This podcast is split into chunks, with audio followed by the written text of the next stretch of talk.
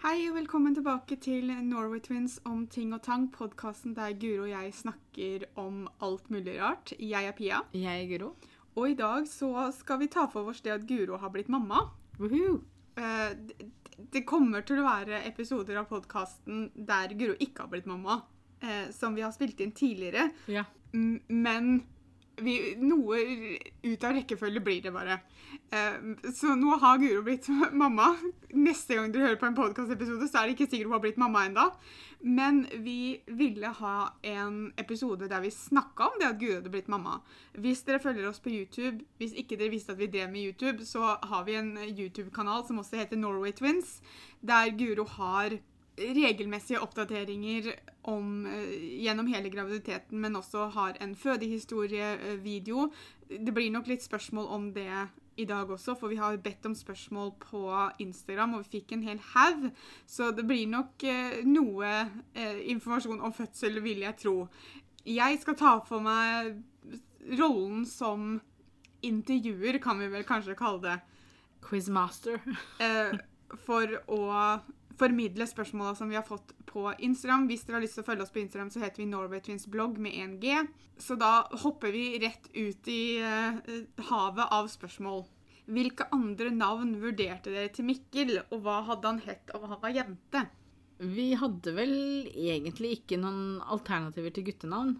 Eh, fordi at vi visste Så fort Petter nevnte Eller så fort Petter kom opp med navnet Mikkel, så var vi egentlig ganske enige om at det var riktig. Um, når det gjelder hvis han hadde vært jente, så har jeg alltid hatt lyst til å kalle dattera mi Hanna.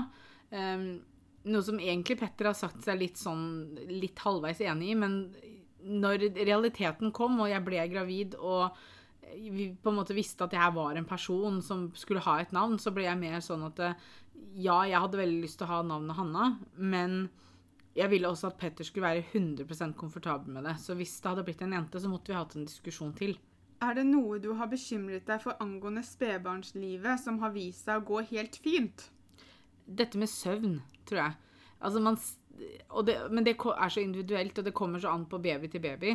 Eh, vi er veldig heldige i bank i bordet og har fått en baby som er veldig glad i å sove, virker det som. Han har fått sovehjerte til faren sin.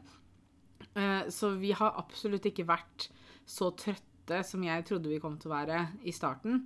Fordi vi har fått ganske mange timer søvn på natta. Ikke nødvendigvis etter hverandre, men til sammen. Når vi sto opp, så hadde vi sovet ganske mange timer. Jeg har ikke hørt veldig mange nybakte foreldre snakke om at de står opp klokka 11 første uka hjemme etter sykehuset og sånn. Nei, og det, vi var veldig heldige som kunne gjøre det. Selvfølgelig, da hadde han jo vært våken, og dere måtte jo gi ham mat og sånn, men at Ja. dere fikk da muligheten til å sove videre, da. Ja, for han sovna igjen med en gang vi hadde mata han, så det var liksom sånn, da kunne vi faktisk legge oss litt til, vi òg. Så jeg tror vel det er den største sånn overraskelsen Eller jeg hadde forventa å være mye mer trøtt og sliten enn det jeg har vært, da. Du har jo på en måte litt svart på det nå, men hvor mye søvn får dere? Eh, Den første, eller de første to ukene når Petter hadde denne eh, fødselspermisjonen, eller hva det heter for noe, når mannen får lov til å være hjemme i to uker, da, så fikk vi alt fra en syv til ti timer om natta. Mm. Men det var fordi vi kunne sove lenge begge to, og fordi at Mikkel, ja, han var våken i løpet av natta, men han sovna veldig fort igjen, sånn at det var liksom opp og skifte bleie og, og maten, og så sovna vi igjen. Eh, Så til sammen så fikk vi godt med søvn. Hvordan er det nå, da? Eh, nå har det jo også er, altså, Noen dager er det jo fortsatt sånn at jeg kan sove ganske lenge, og, men jeg har blitt mer sånn at jeg, har, jeg sovner ikke igjen. Hvis han er våken alt fra sju til ni liksom, og skal ha mat rundt i de timene der, så er det ikke alltid jeg, det er like lett for meg å sovne igjen etter det. Han sovner, men jeg gjør ikke det. Men jeg ligger og slapper av litt, da. Eh, og så det jo, har vi jo hatt en del kontroller på sykehus og helsesøster og sånne ting, eh, som gjør at vi må stå opp tidlig. Eh, men jeg sovner jo ikke noe tidligere på kvelden allikevel. Men det er jo lenge siden jeg har lagt meg altså rundt klokka tolv så ofte som jeg har gjort nå siden han ble født. da. Jeg var jo veldig glad i å være lenge oppe og sånn. Så nå så legger vi oss stort sett rundt klokka tolv eh, hver dag. Hva har overrasket deg mest etter at du har blitt mamma? Det er dette med søvn, da. Eh, men så er det jo også liksom den derre eh, Det overraska meg lite grann hvor lang tid det tok før jeg følte en slags uh, connection med en. Eh, For jeg har liksom hørt mamma spesielt har liksom sagt at det fins ikke noe kjærlighet, og med en gang du ser babyen din, så er det sånn pang og liksom bla, bla. Og det var ikke det at jeg ikke var glad i den, men jeg syns på en måte den derre overveldende kjærligheten og den derre eh, Ja, den connection, rett og slett, tok litt tid for meg å komme. Men det tror jeg også var fordi at du var jo litt i sjokk. Så fort han var ute, så gikk jo du litt inn i sjokk. Jo, men jeg tenker ikke Altså, det tok flere dager, liksom. Ja, ja, men altså, jeg tror på en måte altså, det, det igjen er jo veldig individ Ja, individuelt. ja, ja. Og, Og så tror jeg også det at For mamma så jo ikke oss på fem dager. Nei. Og derfor så tror jeg det at når mamma først så oss, så var bekymringene fordi vi hadde vært så sjuke, det at hun ikke hadde sett oss på så lenge ikke sant? Hun hadde jo en helt annen start enn det du hadde. Ja. Det var ikke at jeg ikke var glad i henne eller ikke følte kjærlighet, men det var bare Jeg kjente ikke igjen det jeg syns alle andre hadde snakka om. eh, Den derre pang-følelsen, da.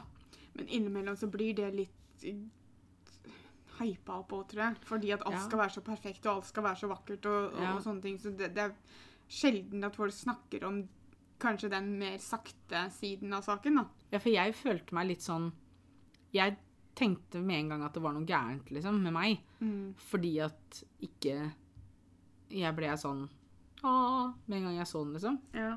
Det spørsmålet her har vi fått før. Og eh, jeg kan skjønne hvorfor folk spør, fordi at jeg har jo snakka om det selv også, at, at man har med å dra litt negative koblinger til ting som man har negative tanker eller følelser om sjøl. For vi har, du har fått spørsmål vil dere at Mikkel skal gå på samme skole som dere med tanke på mobbingen osv.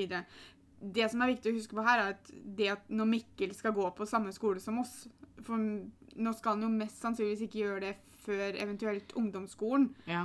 Men for det første, de elevene som vi gikk på ungdomsskolen sammen som mobba oss, er jo ikke der fortsatt. Nei, men jeg tror ikke mobbing har blitt noe bedre, Nei, men sånn jeg sett. tror skoler og lærere får en helt annen opplæring i hvordan takle mobbing i dag Ja. enn det de gjorde når vi gikk på skolen. For der var det ingen som, det var ingen som gjorde noe. Det var ikke noe som ble gjort sånn som det skulle, da. Eh, I dag så tror jeg det er en naturlig del av læreplanen når du utdanner deg som lærer, og jeg tror det er mye mer fordi det er mye mer fokus på det, Ja. så blir det takla på en helt annen måte. Så, så det at vi ikke hadde lærere, eller at skolen ikke gjorde noe med mobbinga når vi gikk der, tror jeg er veldig annerledes i dag. ja. Altså, jeg hadde ikke hatt noe Pluss problem at vi kjenner en veldig, veldig god person som jobber på Bytårnet. Det er ikke sikkert hun jobber der når, når Mikkel skal begynne der, men jeg stoler på hun at hun hadde passa på den. Altså, jeg hadde ikke hatt noen problemer med at Mikkel hadde skulle gått på samme skole som oss.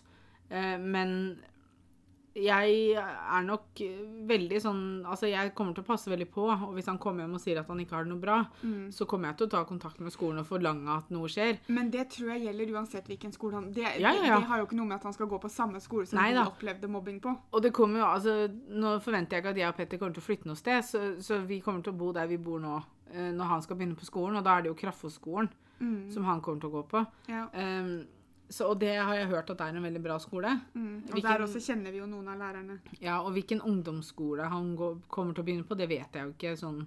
Det blir vel Bytårnet som er nærmest. Verket blir jo veldig langt unna. Ja, så Jeg tror det blir Bytårnet. Og det er som Pia sier, det er jo en helt annen skole der i dag med en andre lærere og annet system. Så jeg kommer ikke til å ha noe problem med det heller. Gratulerer med Mikkel. Har du lyst på flere barn? Overraskende hvor fort dette spørsmålet kommer etter at man har født. Det er nesten så liksom jordmora idet de gir deg ungen på Ja, når kommer nummer to? Eh, men jeg, jeg skjønner jo spørsmålet. Jeg har ikke noe problem med å skulle føde en gang til. Det kan jeg jo bare si. Eh, om det blir flere barn, det gjenstår å se, egentlig. Altså, det må man jo Det må jeg og Petter finne ut av.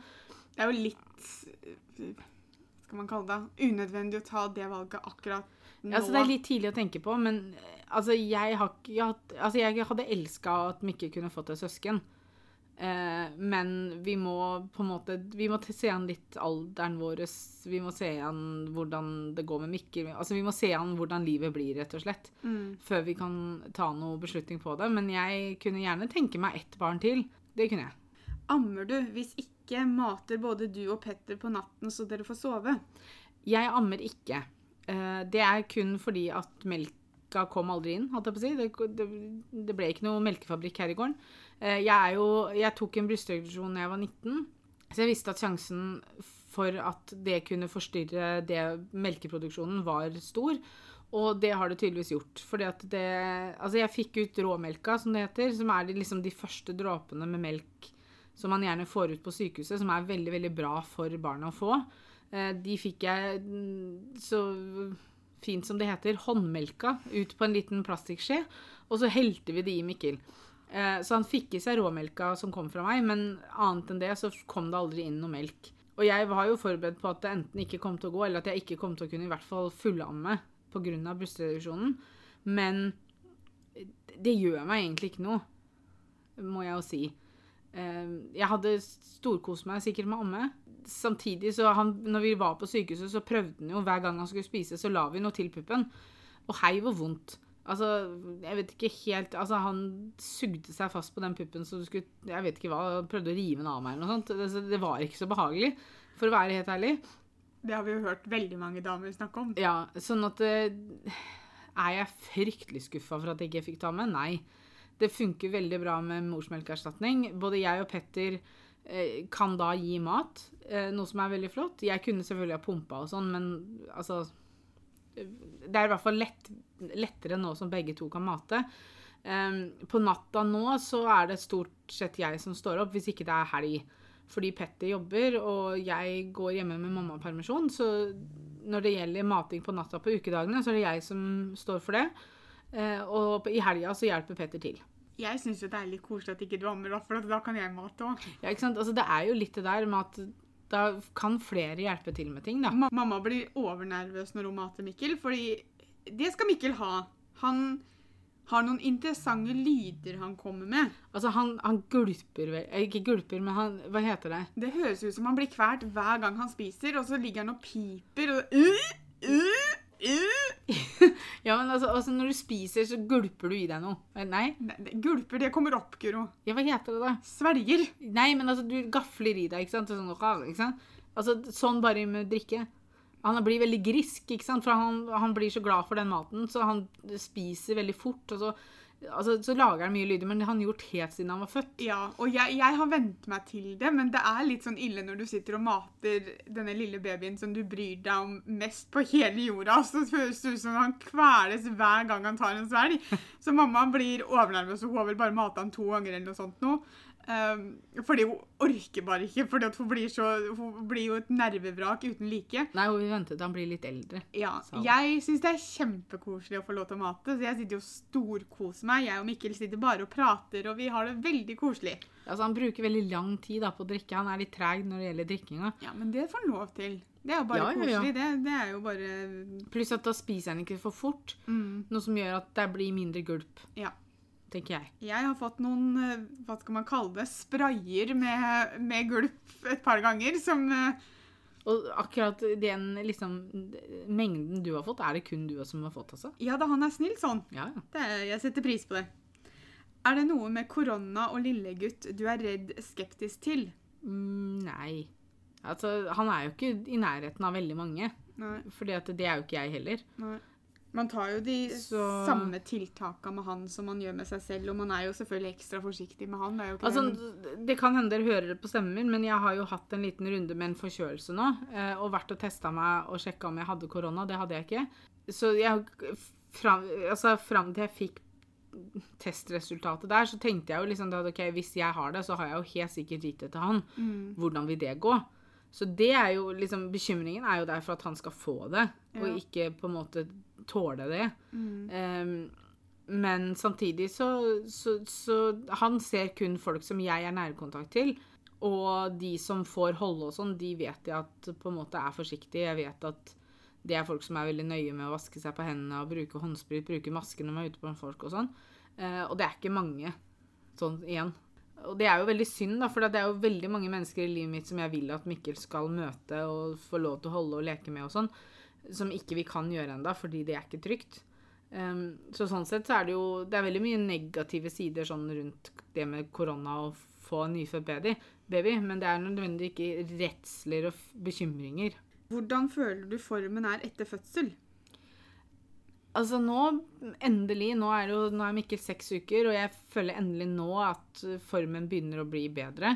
Det er vondt å føde, og man får vondt i kroppen sin etterpå. Spesielt visse deler og områder. Um, Man spretter jo ikke nødvendigvis bare tilbake. Nei. Eh, Jeg blødde i fem uker etterpå. Den renselsesperioden, som det heter, er- varte veldig lenge hos meg. Jeg blødde veldig lenge, og, og ganske bra hele tiden, egentlig. Jeg hadde noen dager som jeg tenkte åh, nå er det ferdig, og så plutselig så begynte det på nytt igjen. Um, så det var jo noe. Uh, og jeg kjenner det fortsatt i bekkenet og hoftene og sånn. Hvis jeg går mye, så får jeg veldig vondt.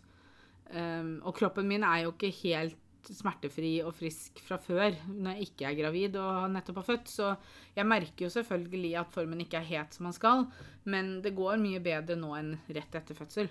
Hva er mest uvant med å være mamma til nå, og hva er det kjekkeste?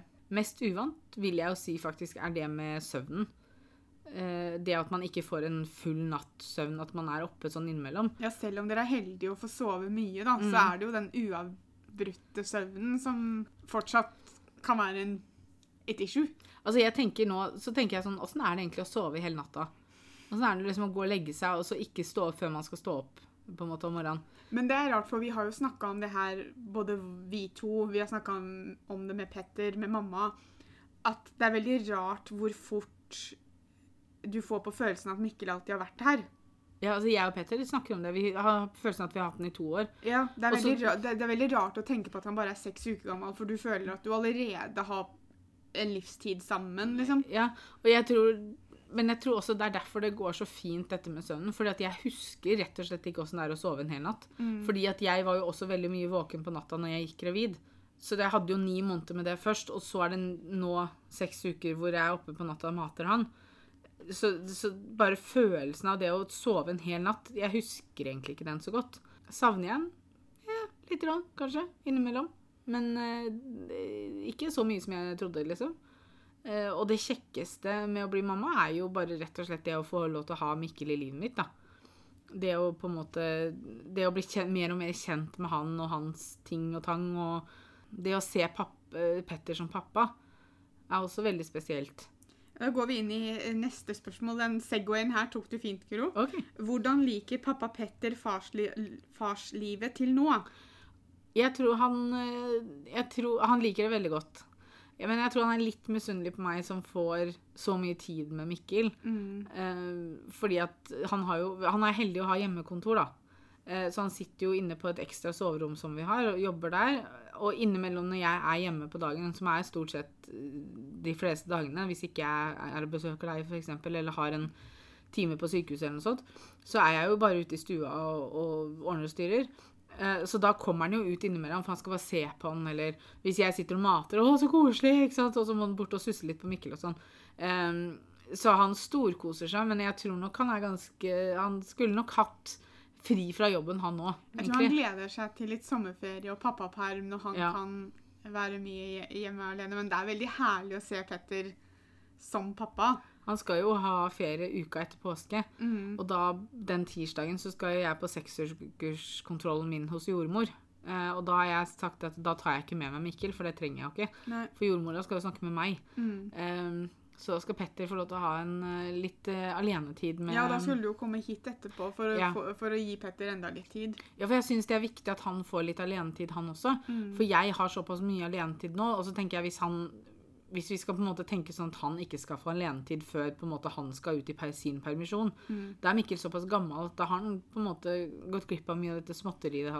Ja, så er det hans unge også. Altså, noe av det dummeste jeg hører, er når damer sier at pappaene sitter barnevakt for ungene Ja. sine. Det er det dummeste jeg hører. De sitter ikke barnevakt, de er sammen med ungene sine. Eller de, de tar seg av ungene sine. Det er, Fedre sitter ikke barnevakt.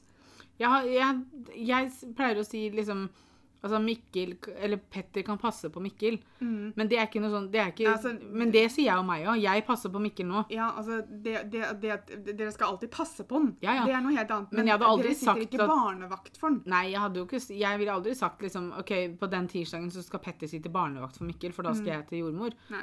Det er ikke noe som heter. Nei. Um, så, men jeg, Jeg kommer til å sitte barnevakt for Mikkel hvis jeg skal passe den. Ja. Men, eh, så jeg tror nok han gleder seg veldig til den tirsdagen, egentlig.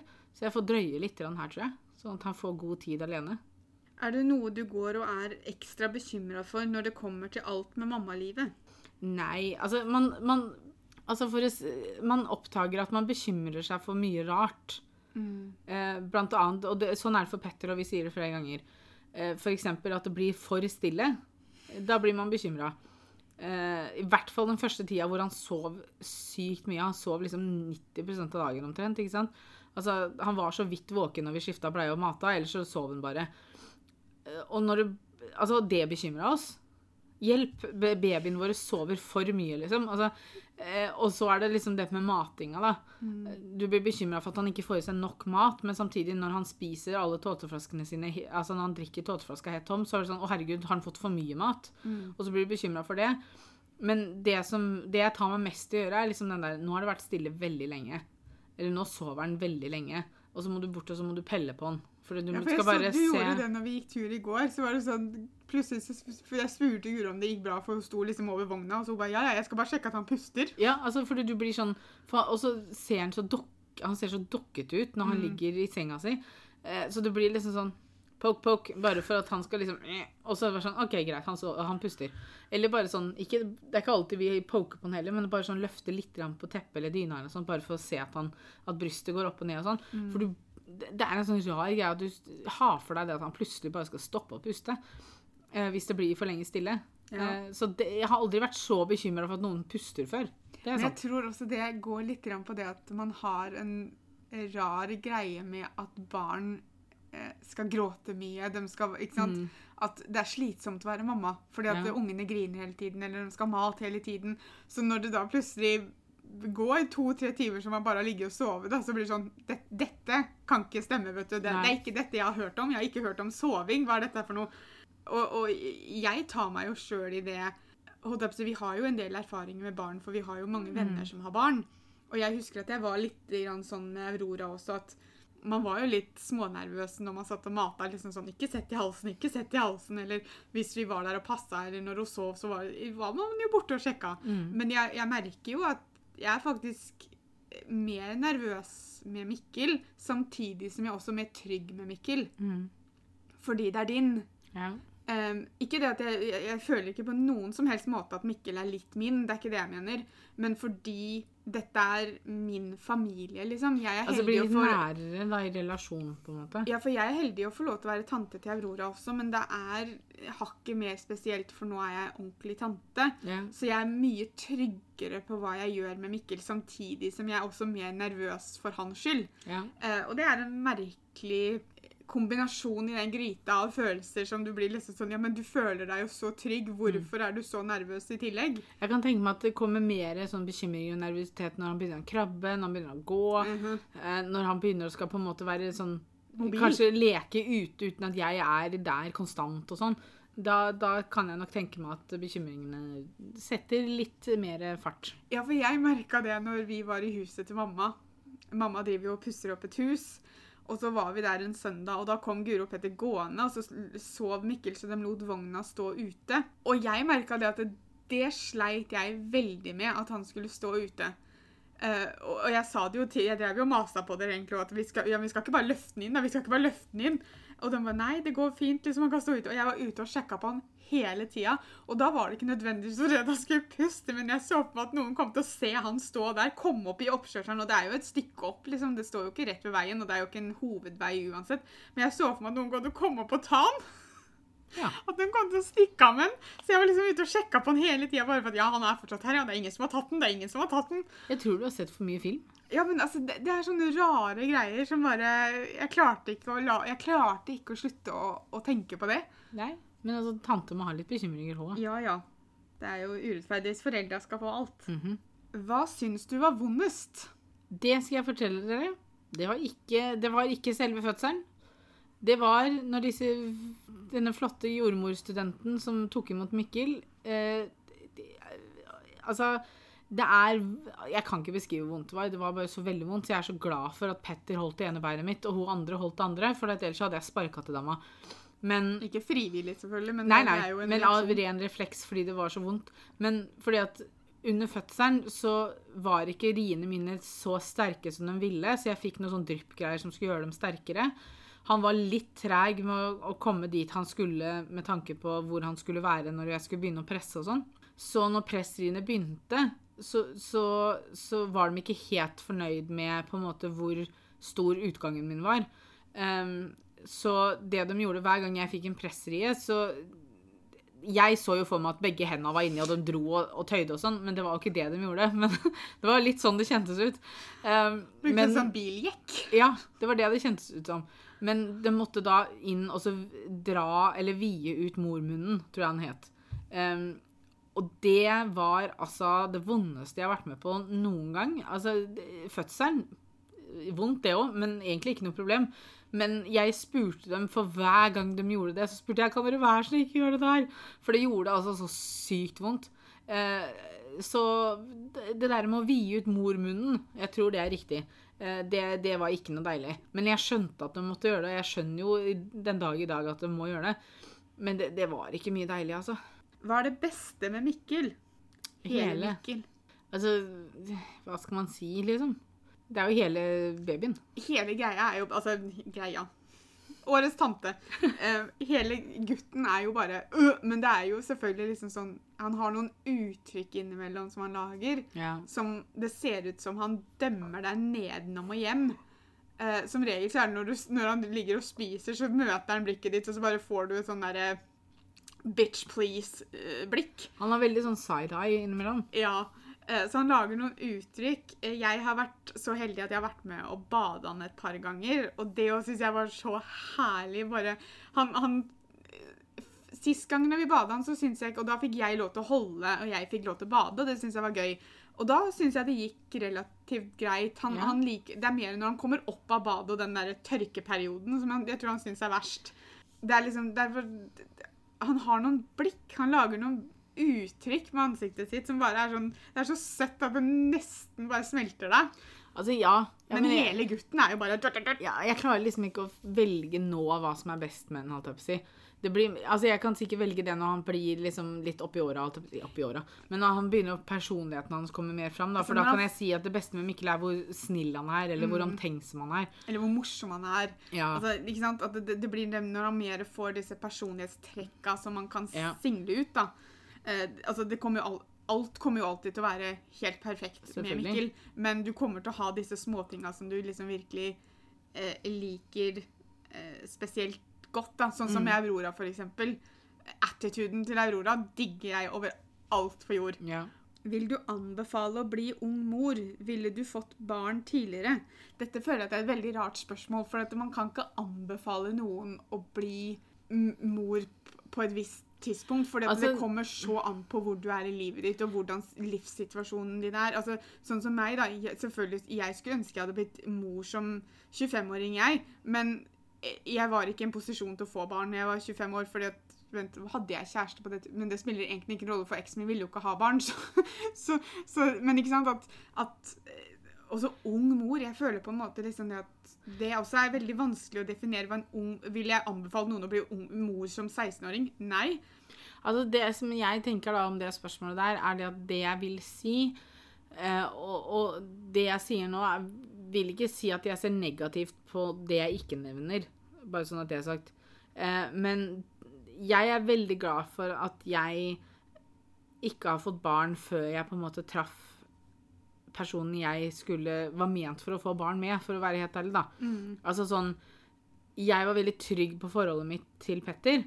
Og det er veldig viktig, fordi jeg ser jo det nå at den perioden etter man har fått barn, disse seks ukene her det er, altså, Ja, vi får sove om natta, ja, vi sliter ikke med det at vi er stuptrøtte og slitne hele tiden, men samtidig, det har skjedd en kjempeforandring i hormonene mine. Em, og denne barselperioden Altså, jeg merker jo det at lunta mi har vært litt kortere. Jeg merker jo det at jeg bare har innimellom vært mer nedfor enn det jeg pleier å være. Altså, følelsene mine har spilt er har vært veldig opp og ned. Så at hvis ikke jeg hadde vært veldig trygg i mitt forhold til Petter, så hadde det kanskje gått gærent. Og at, det man, at man bør ha et stabilt forhold til den man skal ha barn med. For det kan fort skjære seg etter at man får barn, fordi at det blir så mye som skjer på en gang. Men man kan jo også sitte i den situasjonen der man tror at man har et stabilt forhold, da, og så skjærer så- det seg likevel. Men så tenker jeg også det at man er nødt til å se situasjonen som Altså, jeg vet jo nå at hvis jeg plutselig hadde blitt sånn Nei, nå vil jeg gå fra Petter. Så hadde jeg liksom tenkt klart å tenke deg at, vet du hva, vent i hvert fall til følelsene og hormonene har landa litt etter fødselen. liksom. Ikke ta noen sånne beslutninger nå. Da heller be om hjelp. Snakk med partner. Snakk med en eh, psykolog, f.eks. Gå i parterapi. Eh, fordi at det her er bare en periode nå hvor kroppen min er sånn! Eh, og alt av følelser blir forstørra og forminska ut ifra hvilken dag det er og sånn. ikke sant? Em, men, men om man Når man bør få barn, det vet ikke jeg. Altså, det, det kommer, kommer- veldig an på. Det er så opp til hver enkelt. Jeg tror ikke man noen gang kan være 100 klar til å få barn. Nei. Jeg tror du aldri kommer til å føle deg kjempeklar. Fordi at selv om du føler deg klar, så tror jeg det kommer til å overraske deg så mye uansett. Altså, Jeg og Petter vi følte at vi var veldig klare. Mm. Og så ble vi gravide, og så følte vi fortsatt at vi var klare. Så begynte hun å nærme seg fødselen. Og jeg tror det også var noe av grunnen til at jeg hele tiden var sånn eh, Nei, Mikkel skal være inne i ter- termin, og han skal i hvert fall være inne i 14 dager til. ikke sant? Altså Jeg var så veldig sånn, ville ha han inne der så lenge som mulig. Fordi at den siste tiden så gikk det plutselig opp for meg hva det var som var i ferd med å skje. Ja. Plutselig så var det sånn OK, Guro. Nå sov jo ikke jeg sånn kjempegodt, da, men jeg innbilte meg at jeg gjorde det. Men liksom sånn Søvnen din, Guro. Søvnen din Nå får du snart ikke sove mer, ikke sant? Eh, eller sånn eh, ja, satt på sofaen og så på TikTok, eksempel. Så var det liksom sånn Plutselig så var det sånn Ja, det her kan du ikke gjøre om eh, en måned, for da er du en liten baby, så da får du ikke liksom lov til å gjøre det du vil i løpet av en dag, ikke sant? Eh, nå er det jo ikke så aktuelt å dra på ferie sånn akkurat nå, da, pga. korona og sånn, men liksom sånn Ja, du har bare lyst til å ta deg en tur. Nei, du kan ikke det. Plutselig så begynte alle de tankene å surre inn i huet mitt, hva jeg ikke kunne gjøre lenger. Og så begynte panikken. Og jeg snakka med Petter om det. Jeg bare sånn har, altså, Innser du hva vi er i ferd med å gjøre, liksom? Eh, og han bare Ja, han har tenkt på det, han òg, ikke sant? Og så plutselig så var det liksom sånn Så det var en sånn panikk da som kom fordi at du trodde altså, For du tenker ikke da over at Nei, OK, du får kanskje ikke dratt på tur, eller nei, du får kanskje ikke sovet hele natta, eller du kan ikke sitte på sofaen hele dagen og se på TikTok. Men du glemmer å tenke fordi at du skal ta vare på et lite barn. Du får et barn, du får en familie, plutselig. Ehm, så det er liksom sånn, så den panikken kan komme, og de følelsene bare sånn Holy crap, hva er det du gjør? For da følte jeg meg ikke klar i det hele tatt. Og så sto jeg der med mage, og så bare sånn eh, Det er litt seint å tenke på nå. Eh, men så, så det er som du sier, jeg tror ikke du 100% er klar noen gang. Men du, du på en måte tar jo den utfordringen som kommer, på en måte. Eh, men jeg har ikke lyst til å si når man skal få barn, og hvilken alder som passer best. Sånn. Jeg er 35 år og ble mamma nå for første gang. Blir 36 om litt over en måned, liksom. Så jeg føler jo at det var veldig riktig for meg å få barn nå. Men for noen andre så kanskje det er riktig å få barn når man er 40. For andre så er det kanskje riktig å få barn når man er 20. Altså, det, det kan ikke jeg sitte og si. Skal Mikkel døpes? Det skal han, men vi vet ikke helt når. Hittil så har vi satt at vi har lyst til å døpe den i september. Fordi vi tenker at det er langt nok fremme til at kanskje i hvert fall noe av restriksjonene i forhold til korona har blitt letta på. Eh, Vi tenker også fordi at pappa bor jo i Malmö, og det er veldig viktig for meg at pappa får vært med i dåpen. For jeg føler på en måte at pappa har gått glipp av veldig mye, for han fikk ikke vært her når jeg var gravid. Han har ikke fått vært her til å treffe Mikkel. Altså han har, jeg føler på Jeg, Jeg syns det er så feil å legge på han at han har gått glipp av ting, men han har jo strengt tatt det. Altså det går, legger, du legger jo ikke det på han, men det er jo bare sånn realiteten er. At han Ja. har gått glipp av den. Og det er jo holdt jeg på å si, mer synd på pappa, fordi at for å være et, Mikkel vet jo ikke bedre. Em, så det er jo mer synd på deg og pappa ja. eh, enn Mikkel akkurat nå. ja, for jeg skulle gjerne liksom hatt pappa Jeg skulle gjerne at pappa fikk møte Mikkel, da. Um, sånn at hvis det er sånn at ikke man får lov til å komme, eller hvis det fortsatt er utrygt å reise fra Sverige og sånn um, i september, så flytter vi på dåpen. For det, det viktigste for meg i dåpen egentlig nå, er at pappa får vært med. Ja. Så vi får se, men eh, vi krysser fingra for september, da. Hvordan er det å være mor? Veldig, veldig bra. Slet du med noen komplikasjoner etter fødsel? Nei, det vil jeg ikke si. Hvor fødte du? Kalnes sykehus. Veldig flott sted å føde på. Filmet dere fødselen? Nope. Hvem har lyst til å se det, liksom? Ja, altså Jeg hadde på en måte gitt opp da på slutten her. Jeg lå jo i 25 timer. Um, eller det tok 25 timer fra vannet gikk til Mikkel var ute. Uh, og så var det vel fra, fra to så begynte jeg med rier. Og så var den ute ti over halv ti på dagen etter på morgenen. Så på slutten der så hadde jeg litt gitt opp, og hadde egentlig bare lyst til at de skulle skjære den ungen ut av meg. Eh, for hver gang jeg fikk en rie, så var det sånn Jeg orker ikke, jeg orker ikke. Eh, men det orka jeg jo, for kroppen tar jo over. Så det, det, siste vi tenkte på, var å filme og ta bilder. Eh, Petter tok litt bilder av meg sånn opp mot eh, liksom akt, eller presseriene. Sånn jeg hadde fått epiduralen og lå der og kosa meg med lystgassen og sånn. Det har vi tatt bilde av. Men uh, Nei, det var så langt unna det vi tenkte på i den situasjonen der at det uh, Pluss at det hadde vært veldig spesielt. Altså, jeg Petter sto jo ved beinet mitt. Så Petter fikk jo med seg alt, for han ville se, og det syns jeg Jeg hadde jo en sånn greie før jeg fødte, at Petter får holde seg, hu- holde seg med huet mitt. Men det var helt greit at han så. Men jeg vil ikke se. Jeg, tanken på at jeg skulle sett det på meg sjøl Nope. Jeg kan se på alle andre, men jeg vil ikke se på meg sjøl. Det var akkurat som at jeg har jo ikke på en måte turt Fordi det var Det sa de før jeg dro fra sykehuset, var sånn Ja, når det har gått så og så lang tid, så kan du godt begynne å kjenne litt etter at alt er OK der nede, og liksom Ja, kjenne om stinga er borte, og liksom at ting føles som det skal og sånn. Nei, jeg har ikke turt det, jeg. For Det får legen ta seg av. ja, men tanken på at noe skal ikke skal være som det er der nede, det, det er Nei, det orker ikke. Så, legen eller jordmora får titte på det når jeg skal, når jeg skal på seksukerskontroll. Men eh, jeg holder meg unna der nede hittil. Hvilken begivenhet gleder du deg mest til i Mikkels liv? F.eks. konfirmasjon, flytte ut og lignende. Altså, jeg gleder meg jo ikke veldig til han flytter ut. Kan, innen han flytter ut, så kan det hende du syns det er veldig greit. Eller så kan synes jeg, kan hende jeg syns det er veldig greit at han er hjemme til han er 30. Men det får vi se på. Um, jeg gleder meg til alle, jeg. Altså Det første nå er jo at jeg gleder meg til dåpen. Mm. Og det å kunne dele Mikkel med venner og familie og sånn den dagen, da, med venner og familie. Og så gleder jeg meg veldig sånn til liksom, ja, at han skal begynne å krabbe, begynne å gå, begynne å snakke. Jeg gleder meg veldig til vi skal begynne å at han skal begynne på fast føde og sånn, det å få smake på litt forskjellig mat og sånn. Det gleder jeg meg veldig til. Altså, jeg gleder meg til alt. Første bursdagen ble jo litt kul, da. Ja, den blir morsom, tror jeg. Vil jeg anta. Hva overrasket deg mest med både graviditet, fødsel og tiden etter? Hvor dårlig form jeg var. Ja, graviditeten? Ja, egentlig, og, og, sånn, og hvor vondt det var lenge etter på fødselen, liksom. Altså, jeg visste, altså, det er ting jeg har hørt om, Ja. men, men det er vanskelig å sette seg inn i det. Ja, det bare over... Altså, for jeg? Altså, De graviditetene jeg har hørt mest om, er de som var kvalme i tolv uker, og så gikk det over. Og så var det liksom sånn Å, kom, skal vi gå på treningssenter og sånn. Altså, Det virka så lett å være gravid, da. Og så kom det til meg som var kvalm fra jeg fikk vite at jeg var gravid, til jeg var, ungen var ute, på en måte. Eh, så det, det bare overraska meg hvor dårlig form og hvor dårlig jeg følte meg da, gjennom hele tida. Det at jeg ikke kunne jobbe, f.eks., sleit jeg litt med. For det hadde jeg jo lyst til, samtidig som kroppen min var sånn eh, No, thank you. Eh, for det hadde jeg, jeg hadde ikke orka det.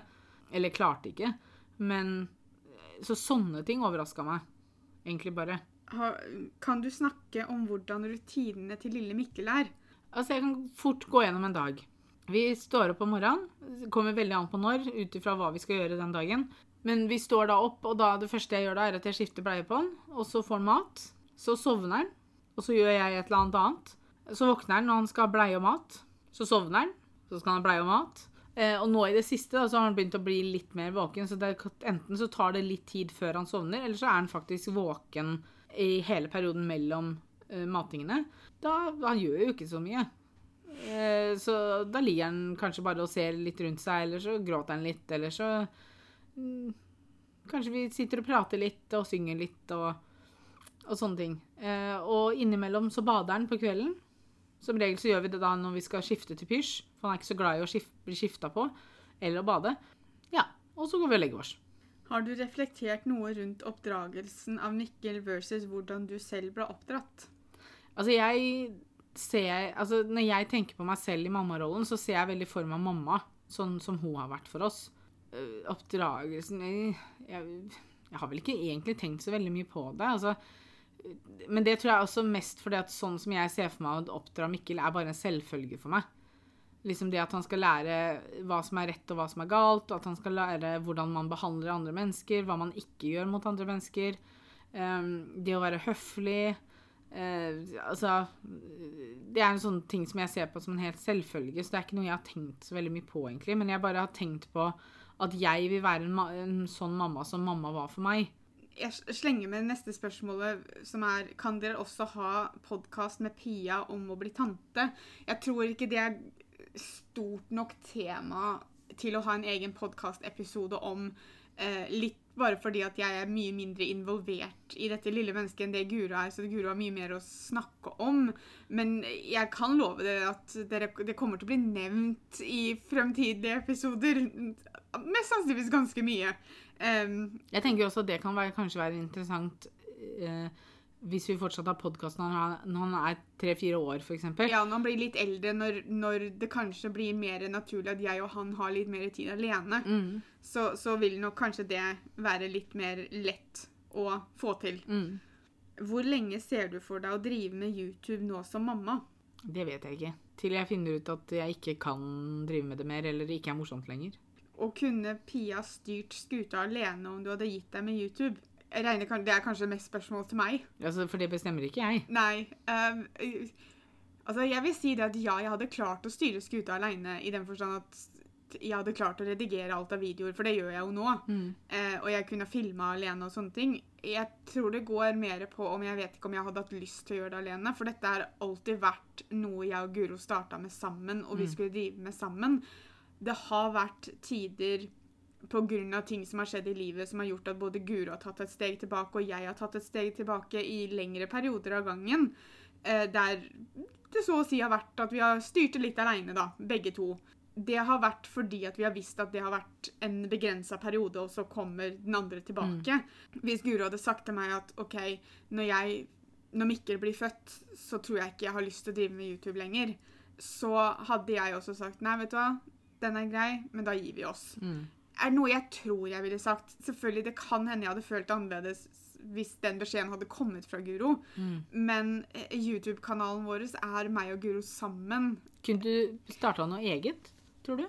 Jeg vil vel kanskje tro at det hadde vært det jeg hadde gjort. At hvis jeg skulle fortsatt alene, så hadde jeg starta en egen kanal som ikke hadde vært Norway Twins. At jeg hadde, jeg hadde vært Pia fra Norway Twins, men hadde, det hadde ikke vært kanalen lenger. Norway Twins er deg og meg. Ja. Det er tvillingene. Mm. Eh, Så hvis jeg skulle hatt det alene fordi du ga deg, ikke fordi du ville ha en pause, men fordi du ga deg, så måtte jeg starta min egen kanal og på en måte begynt på nytt. Ja, sånn tenker jeg egentlig.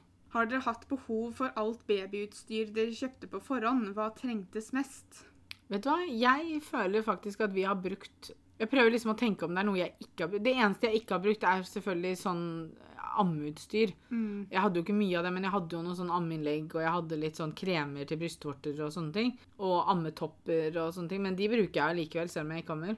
Så jeg tror jo egentlig at det er det eneste Det dere ikke har brukt hittil, er jo ting han ikke er gammel nok til å bruke ennå. Ja, som Så Nei, altså ja, vi har fått brukt for det vi kjøpte.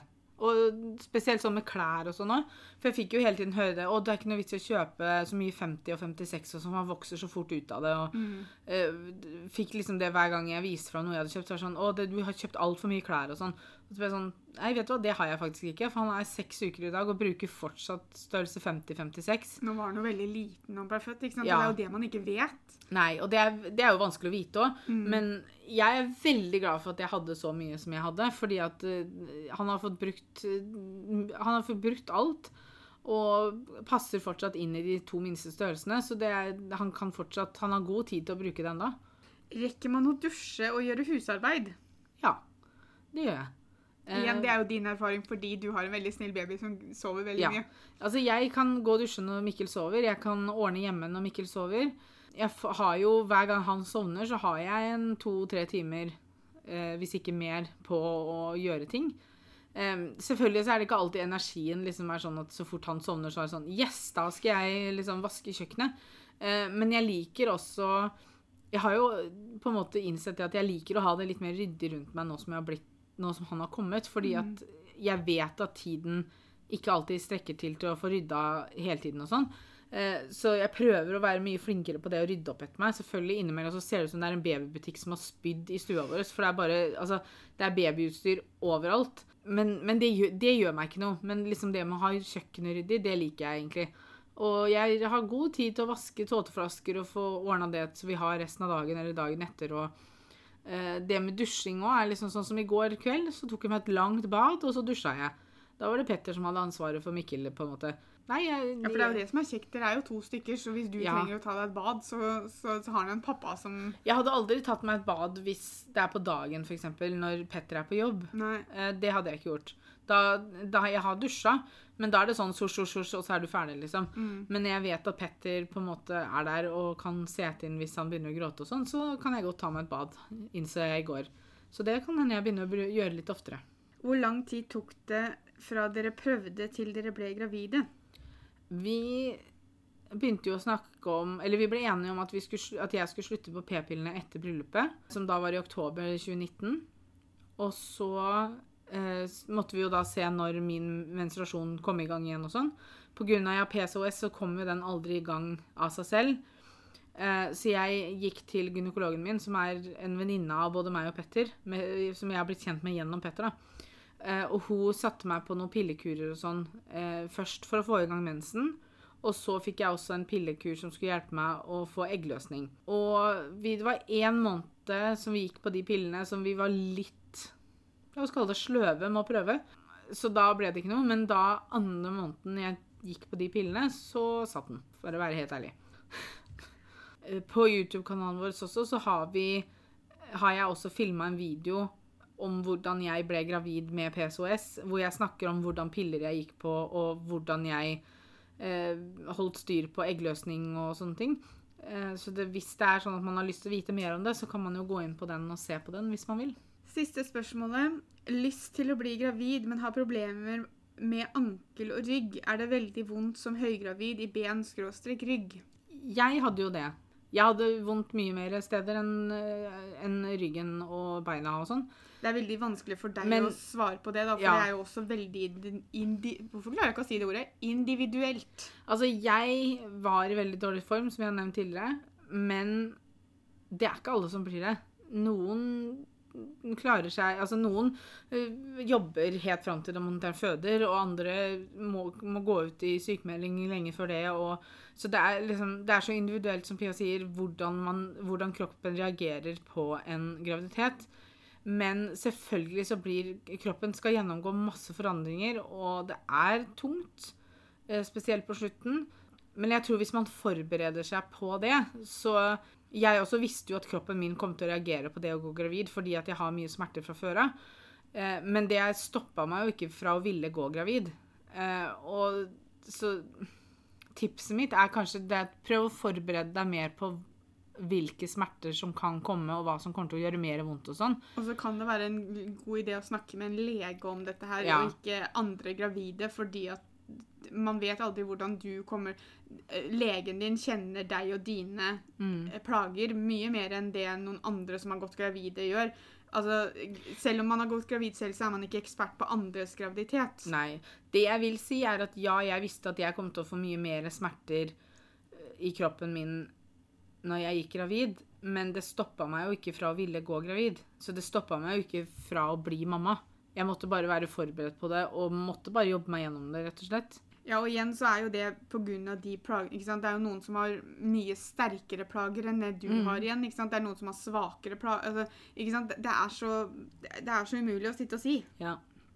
Men snakk med legen din, sånn som Pia sier. For da kan man Legen din kjenner jo også sykehushistorien din eller helsesituasjonen din. Så kan man snakke seg litt hva man syns og hva som er best og sånne ting, da. Da har jeg svart på spørsmåla om eh, det å bli mamma. Elsker å snakke om det, så jeg syns det var veldig morsomt å få spilt inn den podkasten her. Så da sier jeg bare tusen takk for at dere hørte på, og så høres vi senere. Ha det bra. Ha det!